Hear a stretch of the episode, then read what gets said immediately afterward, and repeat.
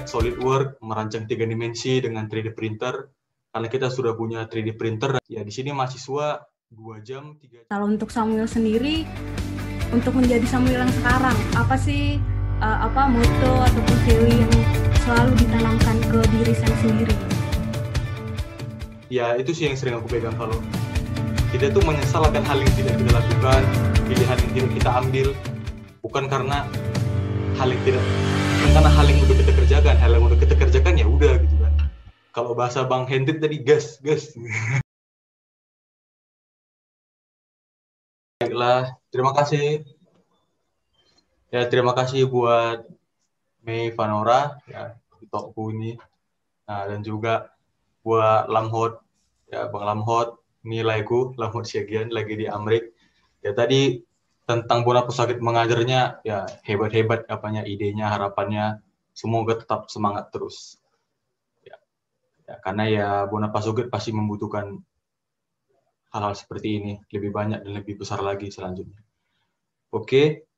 Nah jadi kali ini aku mau sharing tentang manajemen rekayasa dan juga tentang sekolah bisnis di Belanda. Jadi tentang dua hal ini tentang manajemen rekayasa dan sekolah bisnis di Belanda. Oke Aku akan mulai share screen.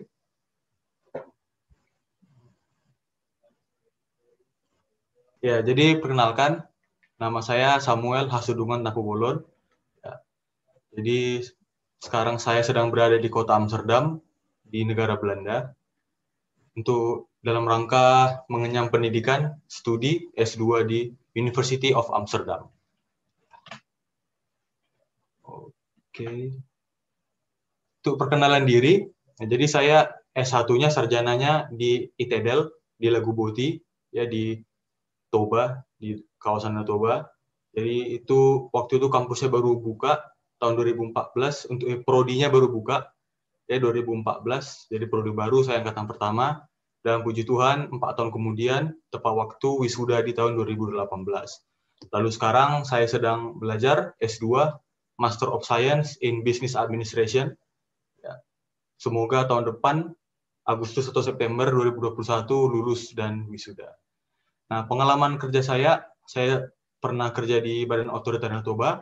Ini di bawah Kementerian Pariwisata, jadi ngurusin pariwisata dan juga di bawah Kementerian Koordinator Investasi. Ya, jadi ngurusin tentang koordinasi di 8 kabupaten sekitar kawasan Danau Toba. Lalu setelah itu saya pindah ke ITDL, balik ke kampus saya, kembali ke kampus untuk menjadi asisten akademik atau ASDOS kalau kata orang. Ya, dan sampai sekarang juga masih ASDOS statusnya di ITDL. Bisa dilihat di LinkedIn, tinggal di searching Samuel Takubulun, ya nanti bisa dilihat lebih jelasnya. Oke, saya lanjut. Nah, jadi pertama saya mau jelasin tentang Yayasan Del, ya itu didirikan oleh Pak Luhut Panjaitan, Opung Luhut, jadi pada tahun 2000. Lalu tahun 2001 ada namanya dibentuklah Politeknik Informatika Del, PIDEL, itu tahun 2001. Lalu namun dia masih berfokus pada dunia informatika, teknik informatika, teknologi informasi dan teknik komputer, sistem informasi dan sebagainya dan juga berfokus di diploma. Namun tahun 2013 mulai terjun ke untuk fokus ke fokus lain di bidang sarjana dan juga ke prodi-prodi lain seperti elektronika, industri, manajemen dan bioproses bioteknologi, maka sudah sewajarnya juga namanya berganti menjadi institut. Nah, jadilah Institut Teknologi Del. Lalu S1 Manajemen Rekayasa adalah salah satu prodi yang baru tersebut. Nah, kalau bagi teman-teman yang mungkin bingung apa itu manajemen rekayasa, mungkin kalau saya sebutkan nama fakultasnya lebih jelas. Fakultas Teknologi Industri.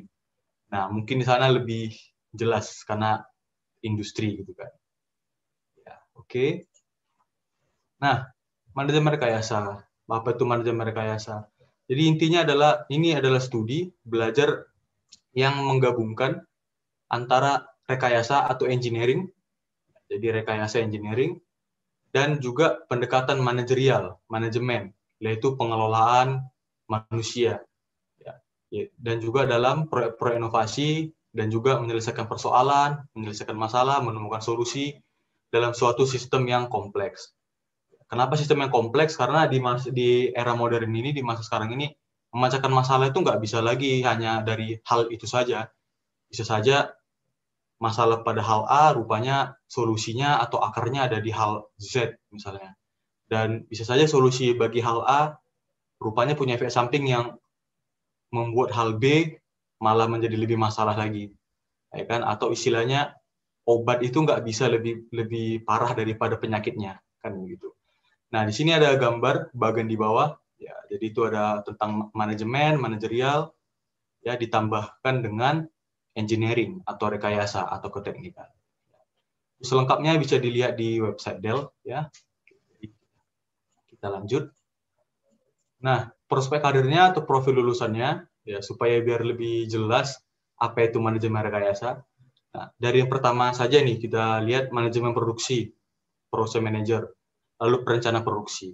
Artinya tidak jauh-jauh dari proyek, tidak jauh-jauh dari uh, pabrik atau industri atau manufaktur, manufaktur massal, ya karena juga induknya di fakultas itu teknologi industri.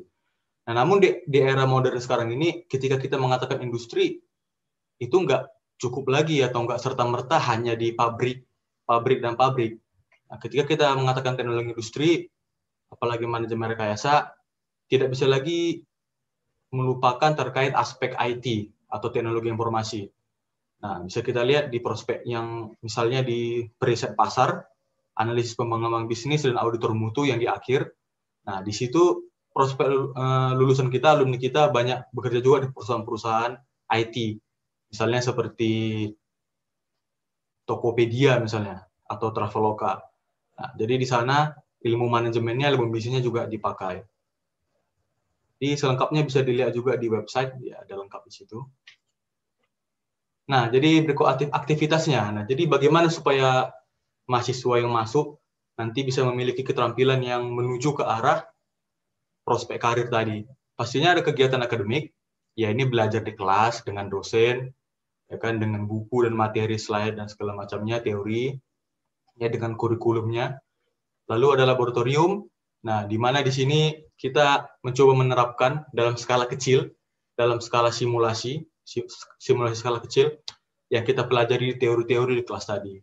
Nah kita punya dua lab yang utama. Yang pertama itu Lean Production System nah ini dari Astra dan juga pakai sistem produksi Toyota Astra dan Toyota jadi di sini ibaratnya pabrik mini untuk perancangan produk dan juga produksi produk. Ini bisa diibaratkan pabrik mini. Lalu kedua, ini ini menarik ini bagi yang suka AutoCAD, SolidWorks, merancang tiga dimensi dengan 3D printer, karena kita sudah punya 3D printer dan 3D printing juga pada lab ini untuk mendesain produk dan inovasi. Nah, lalu ada kunjungan industri, ya di sini mahasiswa dua jam, tiga jam atau seharian akal uh, bakalan pergi ke industri untuk melihat dalam skala besar, dalam skala asli, apa yang dipelajari di teori di kelas dan apa yang disimulasikan skala kecil di laboratorium, bagaimana aslinya di perusahaan, bagaimana aslinya di pabrik, bagaimana aslinya di manufaktur. Lalu ada kerja praktik.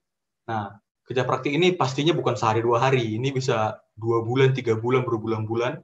Jadi memang mahasiswa itu ya ya, nama seperti namanya kerja praktik memang berada di perusahaan dan bekerja di sana. Nah, dalam istilah mungkin magang industri seperti itu.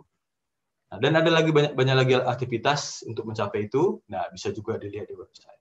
Oke, saya lanjut. Nah, sampai sini terima kasih. Nah, ini pertengahan presentasi tentang manajemen rekayasa. Itu lebih lanjutnya, ya jadi dari mahasiswa MR ITDL ada membuat Instagram, MR Addiction bisa dilihat di sana. Di sana ada detail dan gambarnya fun-fun, menarik untuk dilihat. Oke. Jangan lupa follow Instagram akun kita di Bonapas Sogit Mengajar dan jangan lupa juga buat subscribe dan nonton YouTube kita di Bonapas Sogit Mengajar karena kita bakal sharing informasi-informasi menarik di sana. So, sekian dari kami. Terima kasih. Thank you.